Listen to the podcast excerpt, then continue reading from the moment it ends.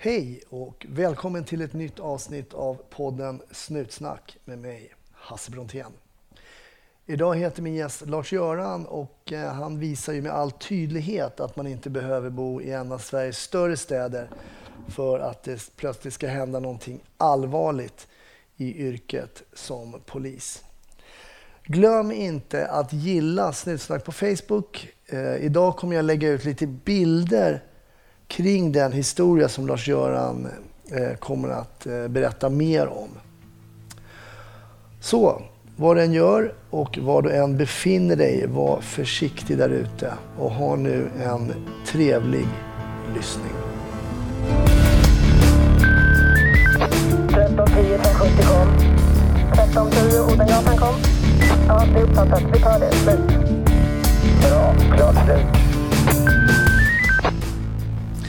Idag sitter jag mellan Vännäs och Umeå och har fått tips om en gäst till Snutsnack från en av våra lyssnare och du som har tipsat, du vet ju vem du är. Därför säger jag välkommen till podden idag till eh, Lars-Göran. Mm, ja, tack så mycket. Klassisk norrländsk dialekt. Yes. Var, var, eh, var har du dina rötter? Var är du född någonstans? Eh, jag är faktiskt född på, i Stockholm på Karolinska. Eh, så att, eh, där är grundroten. Och, men jag är uppvuxen här i Västerbotten, i Lycksele, inlandet, första 15 åren. Men eh, där, därifrån då ner till Västerås som 15-åring. Och sen har, det, har jag ju bott på olika platser då i, i min poli, polisiära liv. Men eh, dialekten står Dialekten fast. är ju eh, genuin, absolut. Eh, det går som inte missta eh, sig på vart jag kommer ifrån. Jag eh, personligen så blir jag alltid lite varm i själen när jag hör den här dialekten. Jag har ju, vi, vi nämnde det här när vi pratade innan vi började Ja. spela in att vi är ju ganska nära min fars hemort Ja, Vännäs. ja. Det är väl bara någon mil härifrån va? Ja, eh, ungefär eh, två, knappt en och en halv, två mil härifrån ungefär. För det här är ju, till polisstation härifrån har jag sju och en halv kilometer när jag cyklar och åtta kilometer in till Umeå centrum härifrån Kodis, Baggböle. Mm. Hur var din uppväxt då? Eh, min uppväxt, ja, jag kan säga att den var rätt turbulent. Ja. Eh, med en eh, styvfar som var um, periodare. Okej. Så polisen var ju hem till oss och eh, jag tyckte att det var väldigt skämmigt med min styvfar och eh, hur han betedde sig mot både min, eh, först mot min mamma men även mot mig. Men eh, det slutade ju med separation. Det var därför vi lämnade Lycksele och flyttade ner till Västerås. Mm. Eh, Så att där växte väl min tanke på just det med polisyrket. För jag hade ju börjat som eh, skolpolis i sjätte klass och sen prya hos polisen. Men sen det här med uppväxttiden gjorde ju att jag kände att män som eh, slog sina fruar och, och betedde sig på det sättet, det gillar jag inte. Utan det kände jag att jag ville göra på något sätt skillnad. Mm.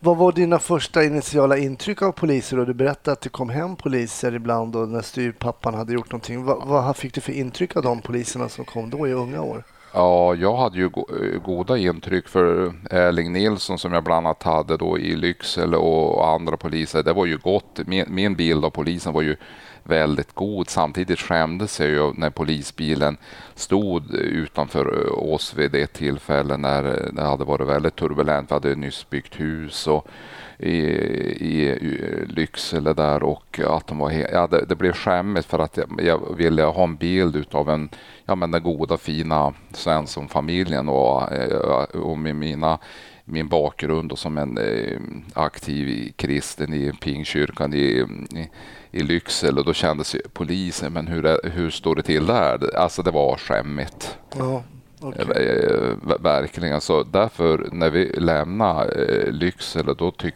tyckte jag nästan var spännande skönt att börja starta på nytt i storstan Västerås att komma ni, dit. Och eh, jag, jag ansågs ju då när jag kom in i klassen där ute i Västerås som lappen och eh, man kunde ju dra vilka isbjörnar på gatorna i stor. Ja, men de visste ju inte Lycksele. Ja, Då fick jag ta Umeå som en referens och så tar det 12 i linlandet. Jaha, ja, ja, ja.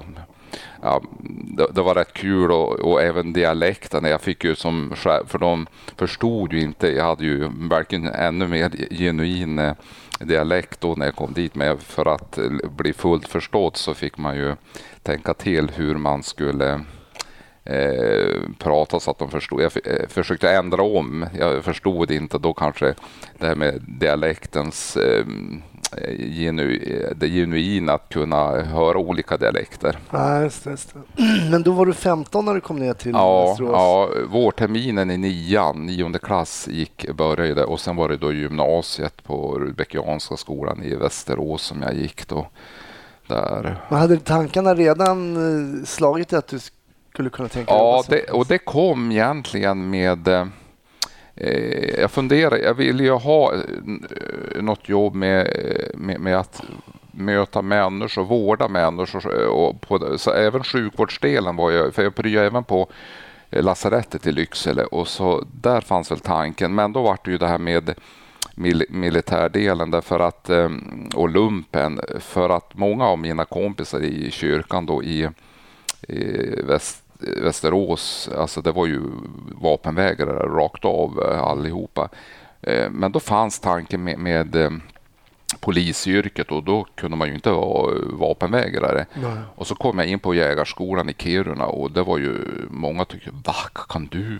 Och det var ju inte att jag var vapenfixerad på något sätt, men jag tyckte jag gillar ju action, det ska hända grejer och jag tyckte det var som häftigt att komma in där och, få komma in bland jag menar, fallskärmsjägare, kustjägare eller, eller fjälljägare. Det, det tyckte jag var grejer. Samtidigt var det ju en, eh, jag menar, bra skola. Jag trivdes, det var tufft men, och lärorikt när man lämnade hemmet att få vara uppe i Kiruna. Det tyckte jag var eh, gav mig som en, ja, men en god plattform för att sen då börja på Sörentorp på polisutbildningen där. Så gick du i stort sett från eh, militära utbildningen då? Sökte ja, och så kom du in på... jag jobbade på sportaffär i Västerås då på största sportaffären hade jag ju då innan då eh, jag, jag, gjorde, eh, vad heter nu, nu tappar jag namnet. Polisskolan? Ja, men alltså innan uttagningen. Ja, till, intagningsproven? Eller? Ja, intagningsproven, ja, precis. Och när jag då fick besked om äh, detta, då, ja, men då, då blev det ju så. Att, att ja, men, polis var det ju. Hade du några tankar då kring vad du ville göra inom polisen då? För jag menar, jag tänker... Jo, nej, tanken var, alltså det jag kände för då, det, det var ju det här yttre tjänst, att vara ute, att göra skillnad och eh, som ingripande polis. Mm. Det, det, var ju det. Ja, in, in, utredning, nix. Utan det var ju det här att vara ute och att åka på olika jobb och där det hände. Ja, men, jaga bus och gripa med ja, men de som hade överträtt lagen på olika sätt. Det, yes, det var det jag ville göra. Och var hamnade du först då när du var klar? När utbildningen var klar? Ja, jag ham då var det ju också det här man, man fick ju söka runt omkring eh, Stockholms eller Mälardal. Det var Uppsala, Västerås, Norrköping och Örebro. Men då var ju ett väldigt stort behov i Stockholm. Eh, jag sökte runt omkring mm, men hamnade då i Stockholm. Jag hade nog inte det egentligen som först egentligen, men jag hade nog mer det kanske i tredje hand.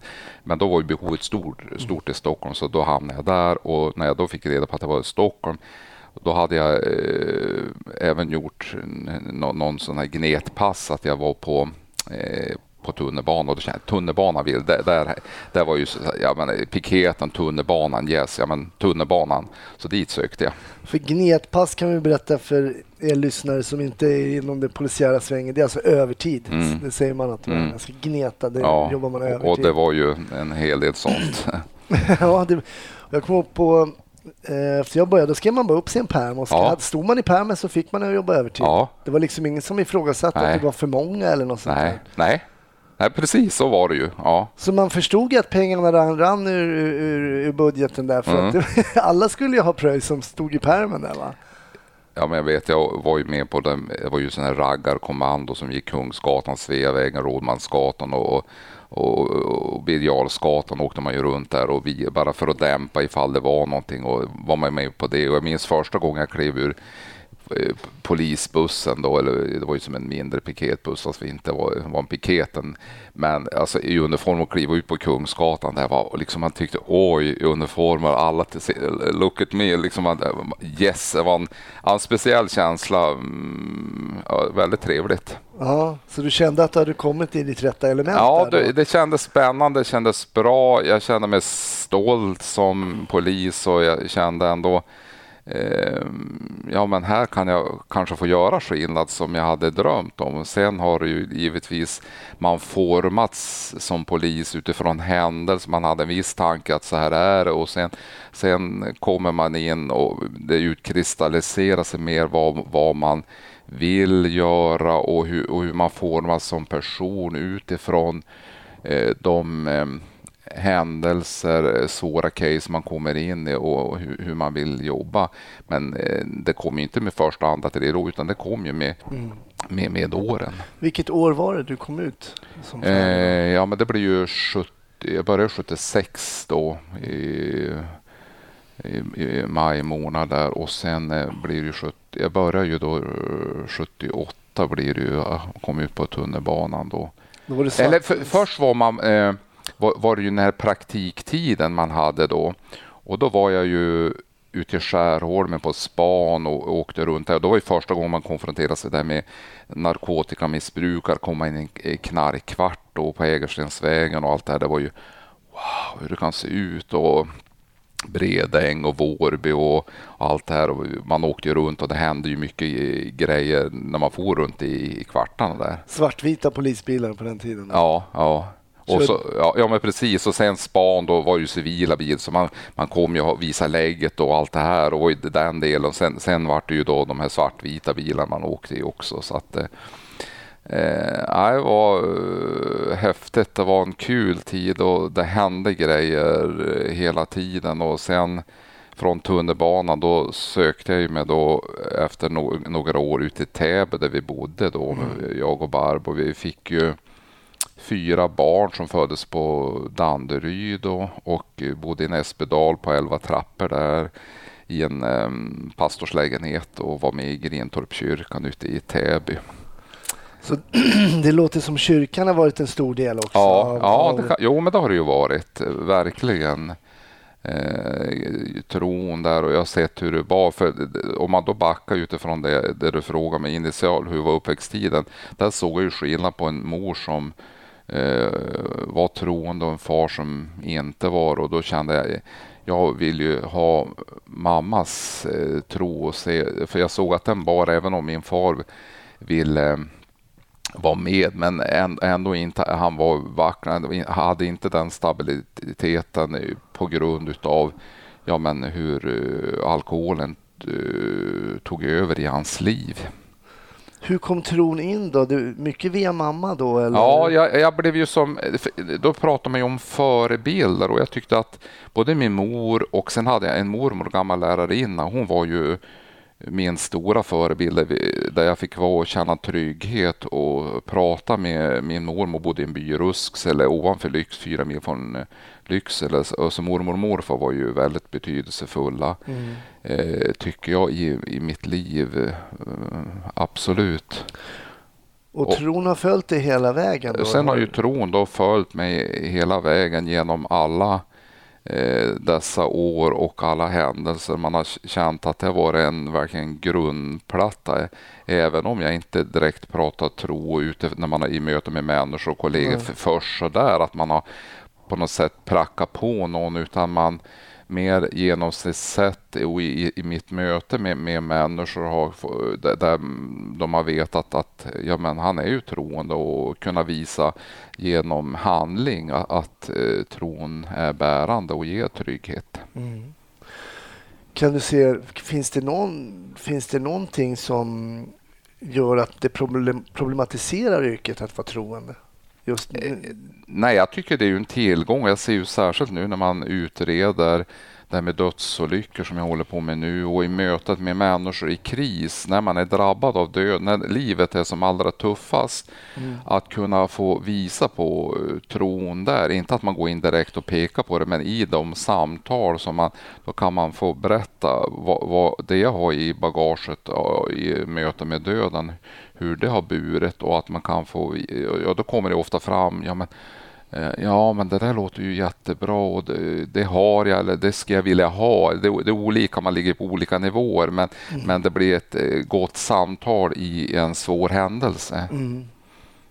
Så den har ändå funnits med hela tiden? Ja, att, att, nej men jag känner det är ju en jättegod tillgång att kunna Eh, och den trygghet eftersom man inte vet vad som, vad som händer och framförallt eh, i yttre tjänst när det, när det verkligen har kunnat hetta till. Men även utredningsmässigt också i mötet med, med, eh, med människor då i, i de här utredningarna som blir efter en, ja men om tar en dödsolycka nu och samtalet med, med de drabbade. Eh, då, för då kommer man in med begravning och kremering och jag menar mycket de här praktiska delarna och man, man vill veta vad ens anhörig har dött utav. Att gå igenom det här eh, protokollet efteråt med att-satsen och man vill veta efter fem veckor då när det, det kommer. Ja, men vad, vad, dog min mamma och min, min son eller ja, min, eh, min hustru och så vidare. Mm. Att kunna gå igenom det på, på ett så bra sätt man kan göra. Då, det gäller ju att ha väldigt ödmjukhet och då får man ju möta här och nu, även om man har mycket i bagaget utav händelser man kan referera och säga ja men du vet det här är ju inte så mycket, jag har varit med om det så väl. Utan, nej, man, utan då fokuserar man på den familjen, den personen jag har framför mig, att så här är det och, och, och lyssna in, att vara, eh, visa det. Och att, eh, om man då känner att eh, tårarna kommer, för det kan man, man blir ju själv berörd och pratar med en som är i sorg, chock, mm. beroende på vilken fas man, eller vilket skede man kommer in. Har du haft, eller har du kunnat visa känslor när du jobbar som polis? Absolut, eh, det, det, tycker jag. Och när jag blivit berörd och när man själv då, som, som sagt var har gått igenom svåra händelser så känner jag att man kan. Det är jätteviktigt, särskilt då när det gäller det här allra svåraste, att kunna visa jag är, är berörd, jag är tagen utav det, det ni går igenom nu och att om tå, eh, tåran, tårarna kommer så kan jag göra det. Och det, och det blir kanske specifikt då när barn är inblandade, att det är ju oerhört starkt. Mm. Oerhört starkt. Och, och det tror jag är viktigt också gentemot dem vi möter, att kunna visa att vi är människor, att vi, vi känner med dem. Det är ju det som berör allra mest i mötet och det visar på en professionalitet, inte att vi är några kallhamrade stå, stålmän som kommer ut och inte visar känslor utan att man är delaktig samtidigt som man kan i det också vara professionell. Mm. Tror du att eh, det kan ge ett större förtroende för en polis som också är delaktig, mer delaktig emotionellt? Ja, jag, jag känner så i mig, alltså att när någon visar empati i en svår händelse, det behöver inte alltid vara att det är döda heller, men någon har blivit misshandlad eller Eh, ja, men i en mindre olycka eller någonting när folk är upprörda och kanske aldrig varit med. Att visa att man är delaktig. Men du, jag, är med dig i det här. Jag förstår att är, du aldrig varit drabbad av det här. Det här är jättesvårt. Och, och, att vara här och nu med gamla Agda när hon har eh, blivit påkörd och hon är upprörd. Hon berättar att hon har svårt att sova och krockar med moped och så vidare. För henne är det jätte, ett trauma för mig då som har mycket annat i bakgrunden är det ju inte det. Men att eh, möta henne med, ja men du det här är ju svårt och att visa att man är med eh, gamla Agda då i, i det här, eh, den händelse hon har varit med om. Ja men det, det skapar ju trovärdighet. Mm. Inte så att man börjar raljera med, ja men du vet det här är inte så farligt, tänk på dem som har varit med om den och den olyckan. Utan vara här och nu med, med personen och för, försöka eh, samtala och vara inlyssnande. Det, det skapar förtroende. Mm. Och det är det jag tycker är viktigt att man som polis kan göra. Att kunna skapa förtroende så, så att eh, människor ja, får ett ännu ökat förtroende för eh, polisen, som, polisyrket och poliser överhuvudtaget. Men att vara inlyssnande som polis tycker man ju låter som en egenskap som man kanske borde ha. Mm. Vilket vi kanske båda vet att alla poliser kanske inte alltid besitter. Men, Nej. men, men den egenskapen som jag märker bara, vi har suttit och pratat lite innan, att du är inlyssnande och, Mm. och, och tar dig tid. Har den alltid funnits hos dig eller är det någonting du har övat upp under åren? Eh, om jag tittar då eh, utifrån det här med krishantering och som jag jobbar mycket inom polisen med under åren sedan slutet 90-talet när jag började med det. Det började kan man väl säga egentligen med när nära vänner till oss, vi som familj då drabbades utav döden på olika sätt och där jag började, jag, jag har ringt till väldigt många familjer, både de som har stått nära men även andra som jag inte alls har känt och där jag har nått en kontakt för att jag har kunnat visa på utifrån det, det jag har och att i bagaget och eh, även att man bryr sig om och vill lyssna in deras trauma. Och, och, och, och Det där har jag ju som tränat upp och sen har väl funnits något embryo hos mig då där jag känt att det är viktigt att kunna dela och våga möta och sen har ju det vuxit utifrån händelser som man både i tjänst och privat har varit med och har, har bara vuxit. Och bara, vad var det där? då? jag har eh, liksom älskat att mö, möta samtala med, med mig och ringt och min fru säger du älskar ju att prata i telefon. Ja, jag, jag tycker ju om att höra rösten med människor. Det är bra sms och allt detta. Men just det, att höra in en människas röst säger väldigt mycket. Därför är ju radion bra. Man, hör ju människors röst och tonläget och vart man ligger. Och, och då kan man höra om, om man är ledsen. Men du, du säger inte så mycket. Hur, hur är det? Liksom, det hör du inte, kan du inte läsa det till, men på rösten så hör man tonläget. Eh, hur en människa eh, mår just nu också. Och där, där man kan få ut mycket mer. Det, är ju därför i förhörssituationer, det vill jag ju ha telefonförhör i all ära, men då är det ju mötet med människan. För då är, ju- då är ju att läsa kroppsspråket och hur, någon reagerar och hur man kroppshållning och ögon och man tittar ner och, och så vidare. Det är jätteviktiga bitar i- rent förhörstekniskt. Då. Ja, jag tänker på också att eh, polisyrket har ju varit oerhört eh, dominerat av män. Mm. Eh, det har varit mycket killar och, och de egenskaperna som du, du nu beskriver med Mm. Att vara inlyssnande, att vara empatisk, eh, att sätta sig in i andra människors situationer, lyhörd och sånt Mm. är väl kanske inte klassiska manliga egenskaper som man kommer på hos en polis direkt. Är det, jag bara spontant, är Mm. det därför det har tagit sån tid kanske för polisen också när man pratar om krishantering, eh, man pratar om det som du säger här nu med att kanske våga visa sig också väldigt emotionell i vissa lägen. Hur har det påverkat? Tror du att det har funnits så mycket killar och, och gubbar i en sån stor organisation med just de här bitarna? Eh, det är klart om jag backar och jag, jag ser tillbaka från min tidiga polisiära eh, bana så att säga och, och hur man pratar om de här Det var ju en helt annan mentalitet så visst det med att det kom in eh, att vi har många kvinnliga poliser att det har, påverkat och jag om jag tittar för min egen del så har jag ju Eh, mestadels jobbat med kvinnliga eh, kollegor, både och, men, väldigt mycket mer i yttre tjänst. Framförallt har det varit med kvinnliga kollegor, både inne på tunnelbanan i, i, Täby och sen uppe i Jokkmokk, Magda eh, som åkte med mig i det här traumat. Vi var med kvinnlig kollega också. Så att, att man kan väga in det både manligt och kvinnligt i mötet med människor och att man kan dela på varandra. Och, och eh, jag har tagit mannen, hon kvinnan. Eller viss, det, det kan, ibland kan ju det där ändras givetvis Mm. också men att, att det har, eh, har dämpat den här lite macho delen om faktiskt, eh, det, det tror jag att det absolut har gjort. Mm.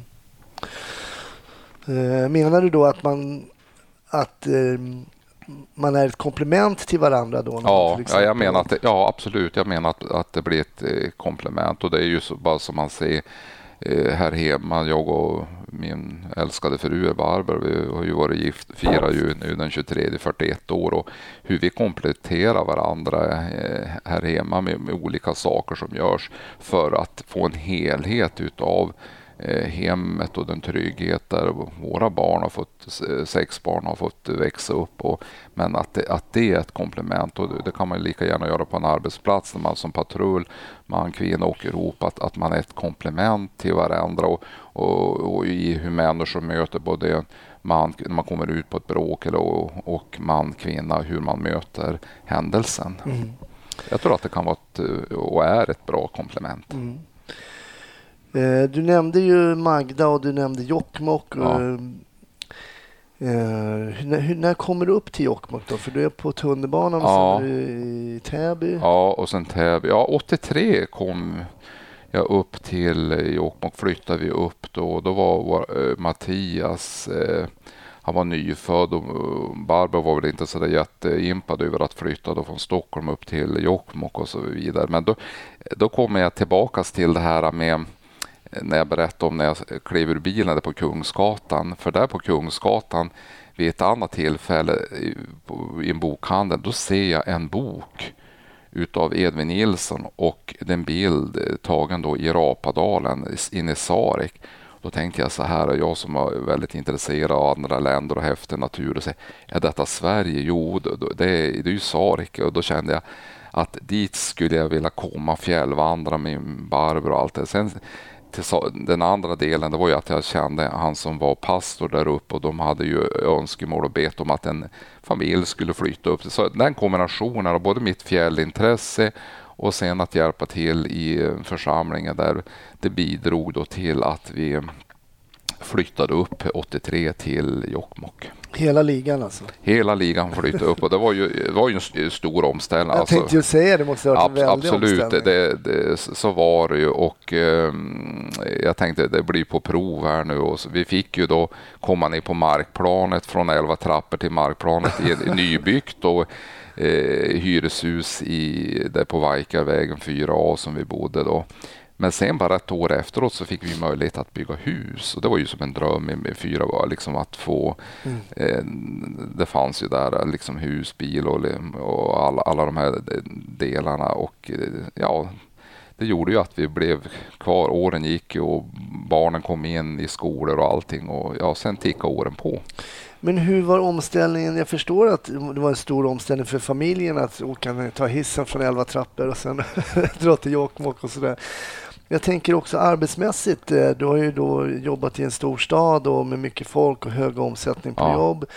Och så kommer du till Jokkmokk och jag kan tänka mig att jobben inte rasslade in lika tätt. Nej men du, det var ju det. Alltså jag kände ju det. Men hur ska jag greja det här? Och jag vet, jag åkte ut med i början på jaktbevakning med Arnold. Och Vad innebär det då, jaktbevakning? Jak, jaktbevakning innebär att man åker ut väldigt tidigt på morgonen och befinner sig ute på ett jaktvårdsområde för att kolla då att folk, eh, därmed, så att det inte är tjuvjakt och ja, men att man har vapnet på säkert ställe och ja, men framför allt att de eh, sköter eh, då jakten på rätt sätt. Mm. Så att vi åker ut, eh, stänger ner bilen och att man och så kollar man bilarna som kommer in då på, det, på det området. Och då kände jag så här, då när jag åkte med Arnold, då hade han 17 års tjänst. Så jag tänkte wow, men du, det var en erfaren kollega då, Arnold, och väldigt fin att jobba med. Och så jag då, men sitta där och vänta. Det var ju liksom, jag kände, äh, ska jag greja där, då får jag ju liksom tagga ner. För jag var ju faktiskt i tempot och ung var man ju och vi hade ju driv och allt det där. Men jag kände, ska jag mäkta med det här alltså då får jag ju varva ner, annars kommer ju inte det här att gå. För det var ju absolut som du säger ett annat tempo och det var ju inte alls... Men det måste an... nästan bli som ett annat jobb Ja, det blev som ett annat jobb, absolut. Men sen kom man ju ut i, i fjällen och, och, allt det här och det hade ju nytta då för då det, jag satt på elva trappor och tittade på Sarekartan och drömde om det här med fjällturer och vandra in i Sarek. Så första gången jag åkte polishelikoptern Eh, Eh, då var det två eh, tyska killar, en som hade strukit med och den andra han hade klarat sig. Men då skulle vi in i, Rapadalen och eh, försöka hitta kroppen efter den som hade drunknat. Då, eh, sägas till Stig Henriksson, han som då jag åkte med och var chef för helikopteravdelningen. Eh, då, då kan jag peka ut topparna och då säger han så här, men du, jag hör att du har varit här uppe mycket och vandrat. Nej, jag har aldrig varit här. Va? han, han trodde jag skämtade. Men det, det kände jag ju då vilken nytta jag hade. För jag har ju alltid gillat kartor och både världskarta ner till 10 000 delskarta och 100 000 delskarta som man mm hade och lätt att hitta med orientering och det har varit väldigt nyttigt för mig att kunna memorera kartan och, och det hade ju där uppe för det, det, var ju mycket, vi åkte ju väldigt mycket helikopter. Ja, och, så, I och med att det här är ju, jag brukar förklara för folk då söderöver som inte kan de geografiska ytorna här att Jokkmokks kommun det är ju som både Blekinge, Skåne och Halland tillsammans. Mm. Då får man ju en bild av hur, vilka ytor vi pratar om och då var ju eh, helikoptern ett gott och viktigt hjälpmedel mm. för att ta sig fram i väglöst land. Hade du åkt helikopter innan? Ja, nej, men, ja, säger jag. Eh, jag måste tänka, eh, lite, jo, i lumpen var det väl no, någon gång, hade, men, men väldigt, eh, väldigt lite var det ju. Vid, vid något tillfälle, men knappt inte, utan det, det vart ju här uppe i Jokkmokk också. Och där blev det ju mycket. För jag menar, ni kunde, ni kunde ju få jobb då, då Ja, det kan ju ta en timme att köra. Alltså timmar. Ja, ja jo, men så, jo, med de avstånden vet, det var ju helt, helt otroligt. Och, eh, det finns ju jättemycket grejer att berätta om, om det man var med om där. Och sen eh, gick man ju ner varv så där så att man, man kunde hantera känslorna och det här med vart man skulle ligga, att det skulle vara action så där. För det, det var det ju inte, men det blev ju action. Men att kunna vara professionell och möta människor utifrån de här händelserna som har teamat och, och teamat upp i fjällen. Där med, ja, med Vadevjok som nu alldeles nyligen var det två tyskar som eh, var och vada uppe inne i Kokesvagge och eh, där en omkom. Det, det, här var bara för några dagar sedan läste jag. Okay. Mm. Okay jag kunde utläsa utifrån, ja, men jag läste om vart de hade gått och visste ju vart de hade, ah, okay. hade vandrat. Och det är ju just vad över Jock som är en av de kanske vanligaste eh, olycksorsakerna som sker i, om man tar upp i fjällvärlden och in i Sarek, Padjelanta och Stora Sjöfallet. Det är ju det här området jag har, har som i kartan i huvudet. Men är, hur drunknar de? Är det att de ska försöka vada? Ja, eller? vadar över och så är det ju väldigt kallt vatten och så eh, ja, men halkar man till och så ramlar man. Eller att man far med båt har jag också varit med om. Man far ner för en fors och bo, eh, alltså flottkanoten välter också. Och så, eh, det har jag varit med om också. Eller, och så glaciärolyckor händer ju också. Men, men just vad över jock, det är väl kanske det allra vanligaste. Sen är det andra olika faktorer eller händelser och hur man uh, rör sig upp i fjällen där man inte är tillräckligt försiktig eller har respekt för uh, naturen. Mm.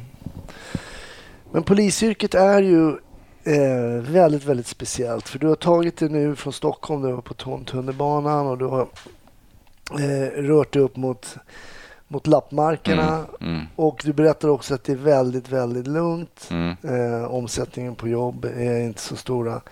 Men så åker du ett pass med Magda. Mm, mm. Och då är ni i det här lugna distriktet fortfarande. Mm. Vad är det för dag? Vad är det för dag det här som... Ja, det här var ju 27 december som jag hade beredskap.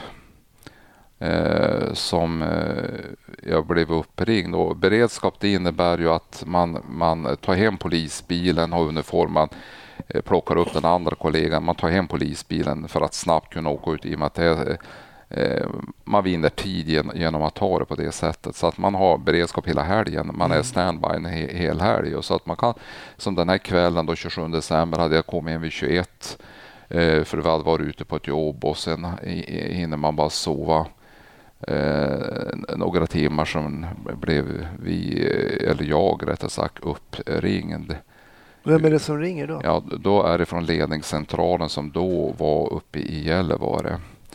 Och där ringer eh, vakthavande befäl till mig och säger att eh, kollegorna här uppe har blivit beskjutna och man har dessutom kastat handgranater mot dem. Och alltså min spontan, jag hade ju tagit emot mycket och haft eh, vid det här läget ganska god erfarenhet. Men det han säger och det jag hör, då känner jag, skämtar han? Är det, är det sant? Alltså det, eh, det kan inte vara möjligt, men eh, det var precis vad det var. Det var sant och det hade hänt. Och det här var ju extremt ovanligt på den här tiden. Absolut. Alltså, idag hör man ju talas om handgranater, Ja, ja. men, men på den här tiden så... Eh, jätte, jätteovanligt och framför allt kanske det här är norröver som man, man, man tänker att det är Lugna gatan. Då menar jag, då hade jag eh, knappt två år innan varit ett halvår i, i Kambodjas djungel och bott i ett minfält och allt det här. Och så, jag var ju inte rude så borta på, på det sättet och sökte spänning och allting. Och människor tyckte jag var knäpp som åkte iväg och lämnade fru. Och, men då hade min fru sagt ja men det kan lika väl hända något väldigt allvarligt här hemma. Och det var ju precis det som hände den här natten. Det vart ju väldigt dramatiskt. Vad, går, vad, vad dyker upp för tankar i ditt huvud då när vakthavande befäl ringer från Gällivare och berättar då? De har blivit beskjutna och man har också kastat handgranater. Vad tänker du då? Ja, jag tänker ju så här. Jag, först, först är ju som när du får någon sån där kraftfullt besked som jag har fått eh, både förr och senare också.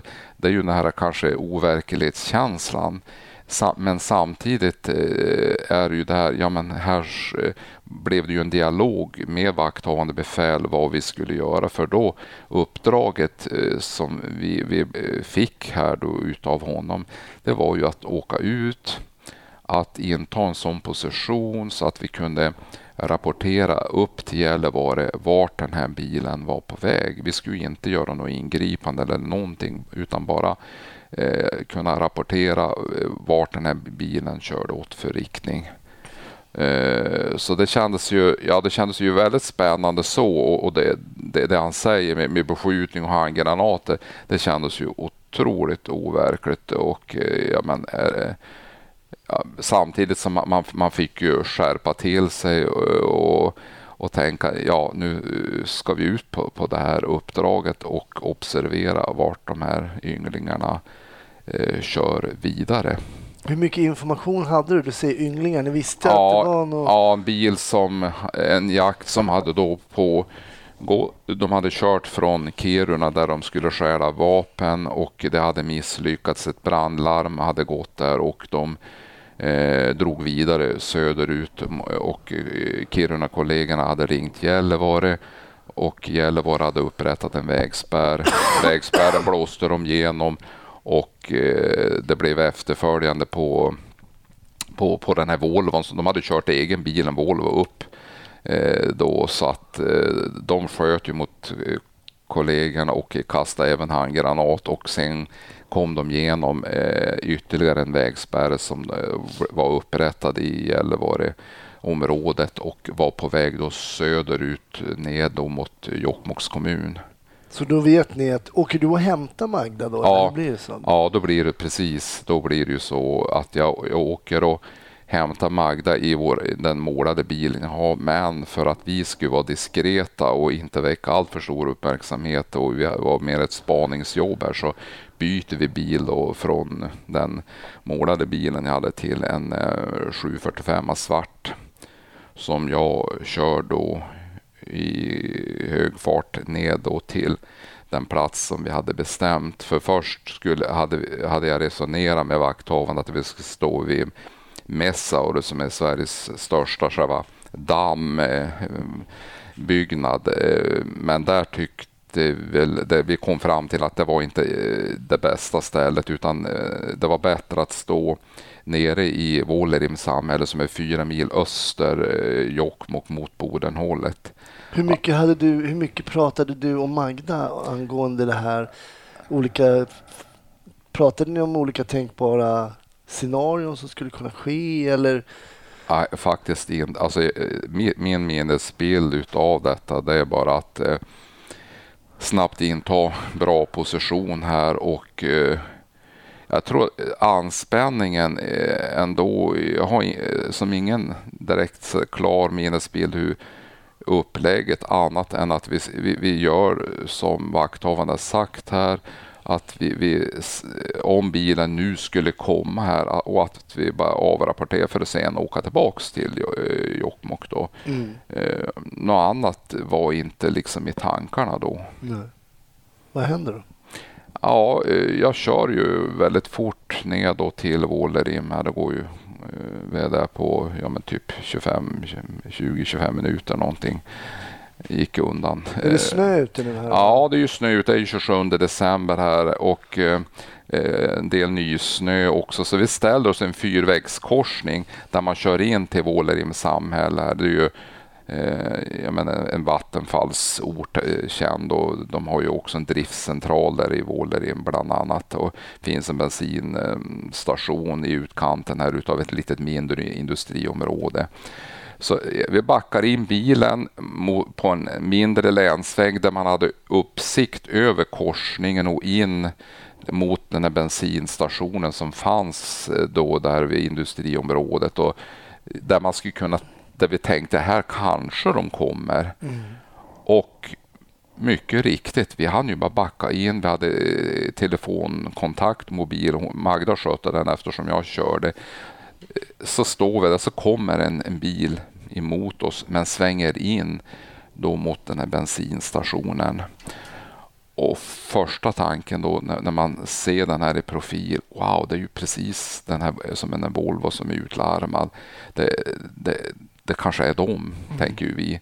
De kör in för att tanka, men då, då mm, kände vi att det här läget där vi står, det är ju inget, inget bra, vi står öppet här, utan vi, vi, vi kör in bara för att se, vi, vi hade ju inte sett regnummer, vi stod lite för långt för att se bilens registreringsnummer. Så då kör vi in i Vålerim eh, samhälle, men titta då in mot, det, det var ju bara en 75 eh, meter knappt in mot bensinstationen och där står de och tankar och då ser vi bilens registreringsnummer och det, det är de. Och du vet, man fick ju gåshud då för då visste man de här är farliga. De hade ju lika gärna där kunnat ta oss i sidan också om de hade velat. Men det, det gjorde de ju inte. Men då visste de väl antagligen inte att ni var poliser? Eh, Eller? De hade nog kunnat se, vi, vi hade ju overaller på oss med Ja. reflex, eh, så jag tror att allt de såg då, det var polis alltså. Och jag tror, det var inte längre än att de kan ha sett att det reflekterade in i bilen, att de såg en bil på andra sidan, det såg de ju. Och de kan ha troligtvis sett att, att det var reflexer på, för vi hade ju de här lång heloverallen på oss då. Eh, Så vi fortsätter då in i Vålerim samhälle och så tar vi, eh, kommer nästa eh, fyrvägskorsning in i där tar vi höger och så tar vi höger igen för att komma in på industriområdet och bakvägen kunna liksom observera när de har tankat vart bilen skulle köra vidare då. Eh, Så vi kör in där och eh, eh, släcker ner belysningen, smyg, kör väldigt sakta då fram mot bensinstationen och det här var, då minns jag, då kände man att det här är ju som en, liksom en riktig action. Det var liksom dum, dum, dum, dum, dum, den här feelingen, alltså spänning, alltså det var hög spänning kan jag säga Ja. i, i det här läget. Och vi kom närmare och närmare och tänkte liksom mm, mm. Och när vi då kommer då fram mot bensinstationen då ser vi de är borta. Men du, det här var ju inget bra. Nu har vi tappat dem. Nu vet vi inte vart de är. inte bra. Men då frågar vi en traktorförare som håller på med snöröjning in till en skoteraffär in till där. Efter det hade ju kommit lite snö, då han var ute tidigt där. Då det här var ju, klockan då var ju vid tre tiden på natten, tre, halv fyra ungefär. Eh, såg du den här Volvon som stod här och tankade vart den körde? För och när jag ställde frågan, han, han känner ju igen oss och våran bil och allt det där. Jo, den körde ju efter er och då visade det sig att de hade ju fått att leta oss. Så de kör ju samma väg, men de visste ju inte att vi hade tagit höger en annan eh, gång och kört in på industrin, utan de kör genom Vuollerim samhälle ungefär en och en halv kilometer och så ut på, eh, på riksväg 97 för att köra tillbaks eh, mot Jokkmokk för att sen köra in där vi hade stått först och så upp för en lång uppförsbacke och då ser jag bakljusen på en bil där uppe på backen. Så när, vi står och pratar där och så meddelar vi till vakthavaren att vi har tappat bilen, men vi har sett bakljusen på en bil som har kört söderut efter den här lilla vägen mot Snesudden. Kan vi eh, fara och köra och kolla om vi får någon indikation om de har kört den här vägen? Då? Ja, men det tyckte han ju att vi kunde göra då. Så vi kör ju in på den här vägen, lång uppförsbacke här och liksom det, kör sakta nu i varje fall för tänkte ifall de är här i närheten. Liksom det var en, eh, väldigt laddat här kan man väl säga över förnamnet. Och eh, kommer upp, eh, planar ut och en lång eh, raka och sen är det en högerkurva. Kör fortfarande ganska sakta då för att liksom det är ju mörkt ute och vi har solfilm på sidan på den här bilen. Eh, har också för att vara lite mer diskret. Sen när vi kommer igenom högerkurvan, då ser jag inner eh, takbelysningen på en bil som står på höger sida vid dikeskanten. Mm. Eh, kör fortfarande eh, närmare och närmare till eh, att jag... Ja, tanken då, det var ju, är det någon som har fått bensinstopp? eller punktering eller något, inte att det var dem, till jag kommer så pass nära, alltså 80 meter ifrån och säger det är ju dem och jag trycker på direkt på bromsen och när jag trycker på bromsen Boom! Så här hugger det till i bilen. Wow, vi blev skjutna vart det så här liksom, och jag kände som de stod vid sidan om och sköt in i bilen. Bara liksom kraften på, på så nära håll med AK5 eh, skott som träffade bilen var enorm och så den krutlukten som kom med de kulor som började mala på. Jag känner till hur det bränner i huvudet på mig och när jag, jag lägger i backen nästan direkt när jag, eh, sen jag sagt det här, reagerar som vart som så här som en, ett lejon i bilen. Jag fick sån övernaturlig kraft i att agera då och Magda som satt då bredvid där och hon säger ah, jag träffad och sjunker mot mig och lägger sig ner så att hon kommer ur blikthål för skytten då som stod utanför bilen och sköt. Och, Kunde du se skytten? Jag kunde inte se skytt, det har jag hört efteråt, utan jag trodde han stod inne i skogen vid sidan om. Så fick jag sen efteråt har jag fått höra han stod utanför och matade på. Och jag känner ju liksom hur det, hur det hugger i bilen. Jag vänder mig, men bara om. Och, jag tänkte, och tanken då blev ju nu dör Magda, när dör jag?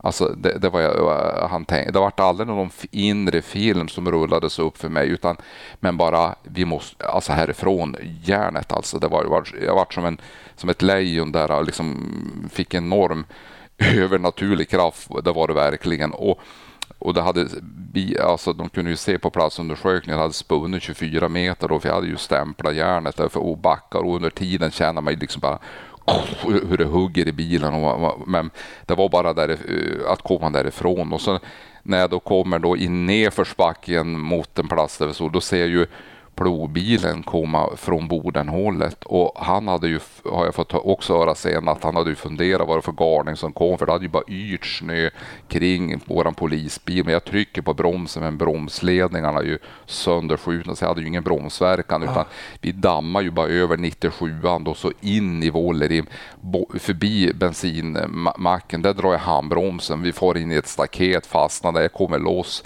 För min känsla är fortfarande nu kommer de eh, och tar oss för att avrätta oss. De, de ska ta oss alltså. Så jag backar ju för livet. Alltså det var ju jättekusligt och otroligt overkligt. Men eh, ändå just den här kraften man, man fick att kunna agera som man gjorde. Och jag minns, eh, då hade vi en obemannad polis. Första tanken också det, när jag hade fastnat att vi skulle in närmsta hus bara för att gömma oss.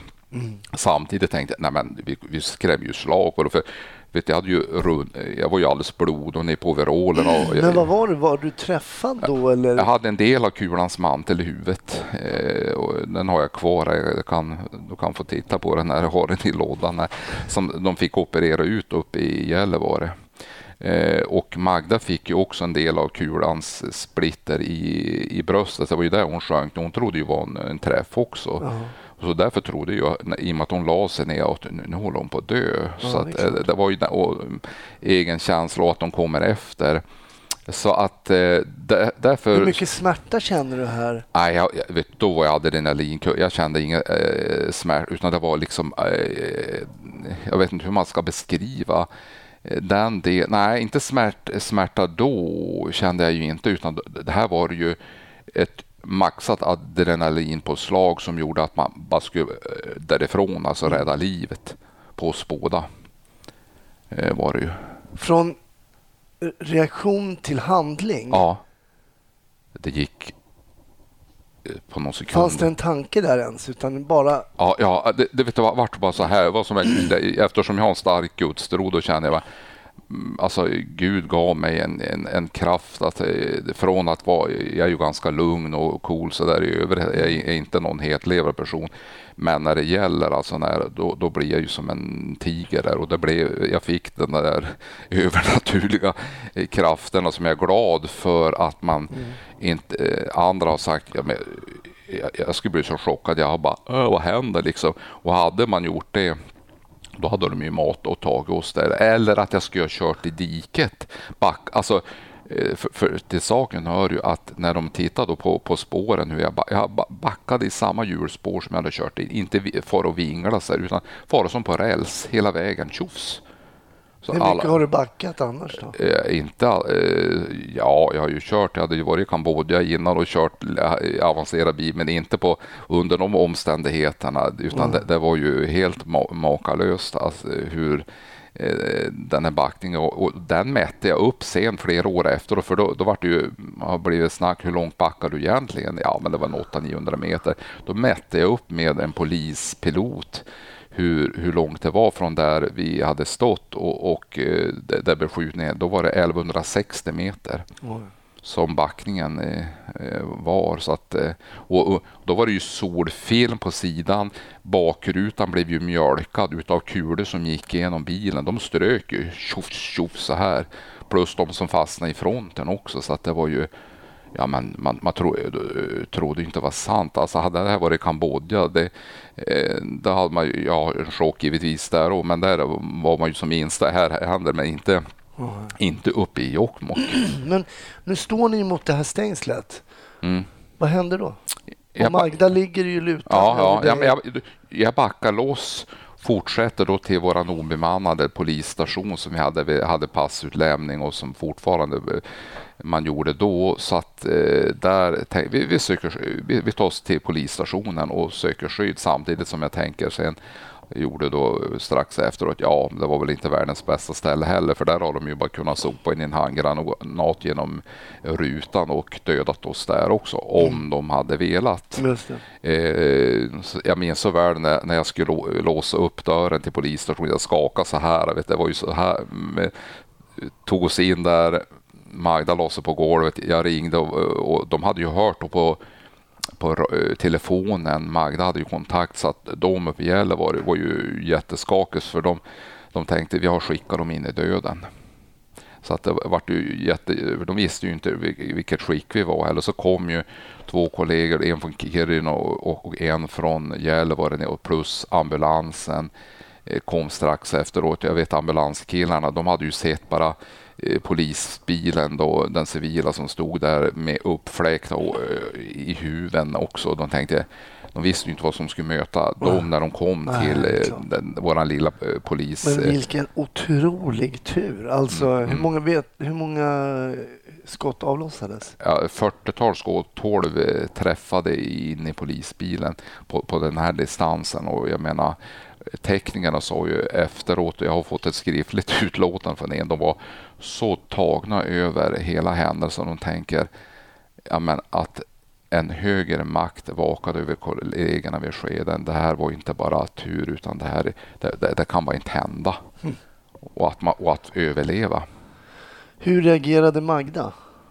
Eh, Ja, Magda tyckte ju givetvis att det var jobbigt och jag kände ju så här då på väg upp. Vi, jo, vi fick ju åka ambulans då upp för att eh, de skulle kontrollera ambulanskillarna och kollade ju då Magda att det, det var ju inte någon jätteblödning i bröstet utan vi båda kunde åka.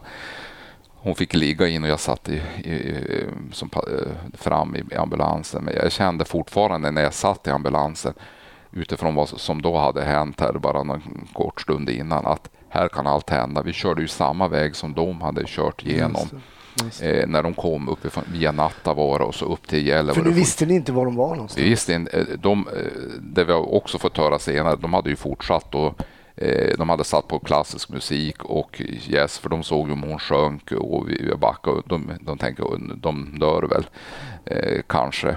Jag vet inte vad de tänkte just då, men, men de, de eh, hängde inte på för att ta oss. Men det visste ju inte jag, utan jag, utifrån eh, Emma kapabel att skjuta som de gjorde så tänker jag att de fullföljer det här. Mm. Och likadant var ju, den kvarstod ju känslan då när, när man åkte ambulansen här att eh, de stod väl och väntade på ambulansen och ta den då. Mm. Det gjorde de ju inte utan det var ju först när man kom upp då till så du kunde inte slappna av riktigt? Nej, nej, nej, nej. Inte, inte. Först när jag eh, låg på britsen där och de hade plockat ut den här delen av kulans mantel ur huvudet och när jag låg där, då, min, det, var väl en av första feelingen jag fick i det här med att arbeta med krishantering. När sköterskan tog sin, sin hand um, i, i, min då när jag låg där, jag kände inte henne, men just den här varma känslan som strömmade upp och in i kroppen, bara den här kroppskontakten. Inte att säga någonting, men just i det turbulenta som var då, då kände jag liksom vilken effekt alltså. Mm. Och det har jag ju i sig kunnat använda senare i arbetet med människor i kris och allting. Att bara vara där, hålla om, hålla handen. Det låter ju som banalt, men det hade för mig då jättestor och viktig betydelse. Så bara att hon la sin hand? Ja, och höll, när jag låg där på britsen och var eh, fantastisk känsla just då. Mm. Vad hände med de här rånarna? Eller de, här, de hade gjort egentligen ett misslyckat rån då? Ja, de fick de, inte med sig några vapen? Nej, de skulle ju in, de hade ju, med, var ju, de skulle ju ta AK mer tunga vapen då där uppe i ett vapenkonsun då och det gick ju med rondellen så det vart ju rök och brandlarmet gick. Nej, men de fortsatte ju vidare ner då till eh, Boden. Där hade de eh, gjort sig av med handgranater bland annat på gamla sjukhuset där. Slängde bilen i Boden, tog buss till Luleå och från Luleå så åkte de buss hit till Umeå. Här i Umeå, där greps de eh, odramatiskt på busstationen. Sen framkom det ju det då, det som hade kunnat sluta i en, eh, jättekatastrof egentligen, så hade de på Sandbacka bostadsområde här i Umeå eh, försåtminerat en folkvagnsbuss som de hade full med miner, eh, ammunition. Så man fick ju ta en 600 meters avspärrningsområde. Så att hade den här bussen då detonerat så hade kunnat bli en ny Estonia katastrof fast på land. För Estonia var ju samma år. Det här var ju bara några månader efter mm. Estonia-katastrofen. Vad var det här för lirare? Ja, det var två uh, Umeå-killar som uh, var speedade och var väl mot samhället och starkt vapenfixerade. De hade ju tänkt spränga eh, gamla polisstationen med, med granatgevär och ja, men de hade de hade ju varit och eh, gjort inbrott i militärförråd här i Umeå-trakten och samlat på sig då material och var starkt vapenfixerad. Det är nästan lite terrorliknande Ja, det var ju, ja, skulle vara idag om det här hade samma händelse inträffat i dagsläget så skulle det här ha, absolut ha klassificerats som ett eh, terroristcase, mm. ska jag säga. Du nämner att du har jobbat med krishantering, men hur hanterade ni den här krisen som jag tänker uppstår alltså efter man har varit med om en sån här traumatisk händelse. Hur, hur, hur är det att komma hem? Och... Ja, och det, det, det som var, om man, om man ska ta uppföljaren till det, det som var rätt intressant och hur jag själv reagerade och, och även Magda och vi alla som var inblandade i det här. Eh, ungefär en och en halv månad innan den här händelsen hade teamat jag hade känt ganska jobbigt efter tiden i Kambodja, omställningen och allt det här och, och var inne i en period där jag kände, eftersom jag har en stark gudstro, då, då hade jag bett till Gud att han, på något som jag säger, han eh, skulle visa sig för mig, att jag skulle få mer bekräftelse på Guds omsorg, Guds beskydd. Mm. Herre, visa det på något sätt för mig så jag känner att du är med mig. Och sen händer den här grejen och du vet, det var, för mig vart det det så fantastiskt starkt att känna liksom här skickade han sina skyddsänglar till oss båda, att vi fick överleva det. Så jag känner ju en stor tacksamhet till, till levande Gud att, han, att vi fick överleva. Eh, kändes ju helt otroligt. Och sen kan man väl säga så här också. Man, man tänker ju, ja men hur mår man efter man har varit med i ett trauma? Ja, många kan ju drabbas av posttraumatiskt stresssyndrom och allt och det är inget mm. konstigt allt och vilket hade varit jättenaturligt att för våran del eh, bli så. Och till saken hör ju att jag har ju aldrig haft en mardröm om den här händelsen. Alltså jag fick som jag brukar säga ett, först ett yttre beskydd, visserligen i gränslandet mellan liv och död i tanke på, ja, på kulans man. Men eh, normalt sett så skulle jag ju ha vaknat upp och mått väldigt dåligt utav det här och drömt och tänkt på det här. Tänkt har jag gjort, men mått, eh, vaknat upp och varit kallsvettig och allt det här. Aldrig haft en mardröm och det brukar jag säga det är ett, ett inre beskydd under alla dessa år. Att aldrig behövt må psykiskt dåligt. Och med det menar jag inte någon negation med att må psykiskt dåligt över en svår händelse. Men jag känner en oerhörd tacksamhet att eh, både fått överleva eh, fysiskt och sen även mentalt kunna han, fått hantera det här. Och vi fick ju även hjälp då via eh, Statshälsan. Vi hade ju en debriefing uppe i Gällivare med kollegorna som var med där några gånger. Och sen eh, knappt ett år efter, året därpå, så åker jag ju ner till Angola som civilpolis och jag frågar han som höll i debriefingen hur är det efter det, det jag har gått igenom nu att åka iväg in i en ny kris här? Ja, jag kan inte säga hur, hur, hur det är, för jag funderar ju hur, skulle jag, hur kommer jag reagera då när jag lämnar familjen utifrån det jag hade varit med om och så kommer ner till en ny kris här. Är det lämpligt efter så kort tid. Mm, mm. Eh, det visade sig vara ju väldigt tufft att göra så. Mm. Eh, för jag kom dit och firade jul nere i... Okay. Eh, det var ingen hit kan jag säga. Men ja, jag gjorde jag, halvgalen och vild som man nästan alltid har varit. För, så, så gjorde jag ju så då. Men ja, det gick ju bra det också. Men, men om, jag, om jag återkopplar lite grann där. För du bad ju eh, du bad där till Gud och frågade om du ville få, du ville få någon, någon form av Bekräft, bekräftelse ja, att ja, liksom ja. finns mer i mitt liv. Känner du att den här händelsen då var hans, det var svaret? Ja, jag, jag, det, det, är ju det. För jag vet första gången jag stod och berättade om det här utanför Jokkmokk, då var jag i Skellefteå och vart inbjuden där då. I Skellefteå Pingstkyrkan var gospelkör som var där och jag skulle berätta om de tyckte det, det var intressant att höra om en polis som har varit med om något sånt där stark händelse. Ja, men hur tänker, känner man som polis och även gentemot de som sköt och mm. man var utsatt för mordförsök som de blev dömda för. Ja, men hela händelsen var ju maxad traumatiskt. Där massa olika känslor, tankar som dyker upp. Och jag minns när jag stod där och första gången utanför Jokkmokk och pratade om det då kom tårarna, minns jag. Jag, jag kände wow, här står jag och berättar om det här jag som egentligen skulle ha varit död. Så, så, så, kände jag då. då, då utifrån tidigare fråga där, kan man visa känslor? Ja, men det var inte att jag stod där som någon tuff hero, här grejade här, utan jag kunde visa inför, det var ju flera hundra som var där, mm. tårarna kom och jag kände bara wow, liksom, tänk att jag får leva. Jag, liksom, jag kände alla har ju inte, kan, har ju inte kollegor kunnat säga det. Jag tänker då på Alexander och det som hände där och som jag sedermera kom in i också fick vara en del i, i det krisarbetet. Just det. Ja, vi ska börja runda av lite. Det här var en oerhört spännande och man dras ju med i den här, ja, ja. Eh, den här eh, händelsen och försöker, även om man inte kan det, så försöker man sätta sig in hur det skulle kunna vara att bli utsatt för det här. Och sen ska ni tillbaks då till Jokkmokk och kanske gå och titta på de här jaktbilarna och se så att någon... Det blir ju ett väldigt... Ja, det, det är ju otrolig kontrast och till, till saken hör ju att eh, man frågar ju om sjukskrivningar och allt sånt där och hur man tar sig ur tjänst och allting. var aldrig frågan om det. Två dagar sen var vi i tjänst. Vi åker eh, samma väg igen på en, en brand då, i en eh, husbrand som var efter den här vägen.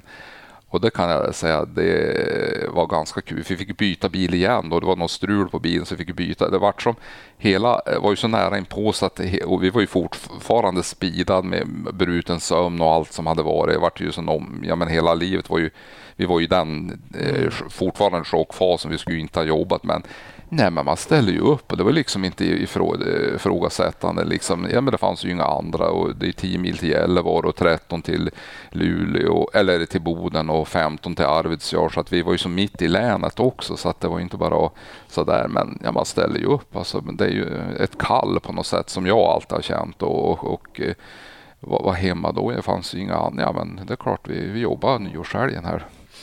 För jag tänker det, även när vak- vakthavande befäl ringer dig från Gällivare Mm. och, och berättar det här att Mm. de är på väg och de har handgranater. Och, Mm. Då kan man faktiskt eh, bara säga Nej men det har inte jag utbildning för. Det, du vet, det var som inte tanken utan yes, jag gör jobbet. Det, det var liksom inte är jag kompetent, kan jag hantera det här eller någonting sånt utan det självklart eh, det, han- ställer frågan och, och jag menar där hade ju även en tankbilsförare höll på att stryka med för de hade satt au- automateld i en tankbil där och så gått in i hytten i sidan innan de då eh, kom igenom den här vägspärren där uppe och så när de var ner. Så de visar ju verkligen hur vilda de, de var ju som en krigsmaskin där för då, i bilen var ju många handgranater som de hade kunnat sopa på oss ordentligt där också. Så det, ladd, laddad var de och högspidad som det blev för de hade ju skjutit på skyltar på väg från Kiruna för då var de ju sur att det här hade misslyckats och allting så de, de var beredda att göra vad som helst. Och det här visar ju också eh, att polisyrket, man pratar om Stockholm kanske, Ja. Göteborg, Malmö och att även på de mindre orterna, du Ja. nämner också Alexander här Ja. som eh, vi kanske får tillfälle att återkomma till i podden, men att man som polis eh, verkligen kan dras in i de mest eh, händelserika sakerna trots att man till exempel jobbar i Jokkmokk. Ja, det är det jag tänker också för att man, man, man säger ju storstäderna och självklart är det mycket folk och det händer ju grejer där men ett flertal utav de här stora eh, svåra händelserna har ju varit på landsorten också. Det är ju, det är inte att förakta liksom att man tror man jobbar på, på landet eller ute på landsortspolis att inte det händer någonting även om det kanske ibland går långt med det. Men sen när det riktigt heter till, ja men hur agerar, hur fungerar man då? Är man, är man beredd att gå till kamp? Jag tänker på den utbildning som du har haft inne. Var det någonting där... För någonting, om vi, om vi bortser från att det var en högre makt Mm, som, mm, mm. som eventuellt ingrep här, ja. så har du en utbildning i botten. Hur, du har ju bilkörning, du Mm. har ju... Jag menar, det måste ju också påverkat att eh, det gick som det gick. Att du, Mm, mm. Jo, alltså jag hade ju jobbat ändå eh, rätt länge som polis. Jag hade ju, jag hade ju inför Kambodja när jag var där och visserligen var det inga snabbkörningar även om jag var med om grejer där också som var dramatiska. Men eh, och backat, ja det är klart att eh, jag blir lite imponerad av den där backningen i Ja, full fart. ja, och- den är ju helt, när man tänker efter själv, jag är ju fortfarande, man, man, man, det, är Eh, det är ett antal som har känt likadant och framförallt eh, att den då gick som på räls också. För jag tänker så här, hade jag eh, tio meter senare av chockeffekten, vilken har varit helt naturligt, har man hamnat i diket och det hade ju resulterat till att han hade ju sprungit fram och eh, tagit oss båda två. Så ja, då hade ni varit sitting ducks där ja, i diket. Absolut, vi hade, det hade ju varit som en Alexander tid för den kom några år senare då. Hade, jag är helt övertygad om. De var så, så speeda där så att de hade ju, han hade tagit oss där i diket. Nej, vi är glada för att eh, slutade som det slutade. Och jag är jätteglad att jag fick eh, komma förbi och eh, lyssna på den här historien som också ni lyssnare precis har hört. Stort tack Lars-Göran att du var med och gästade. Mm, jag känner stor tacksamhet över att få samtala med dig och, eh, och dela det här med både dig och ni som lyssnar. Det känns som en för, ynnest förmån att få göra det. Tack så jättemycket. Tack.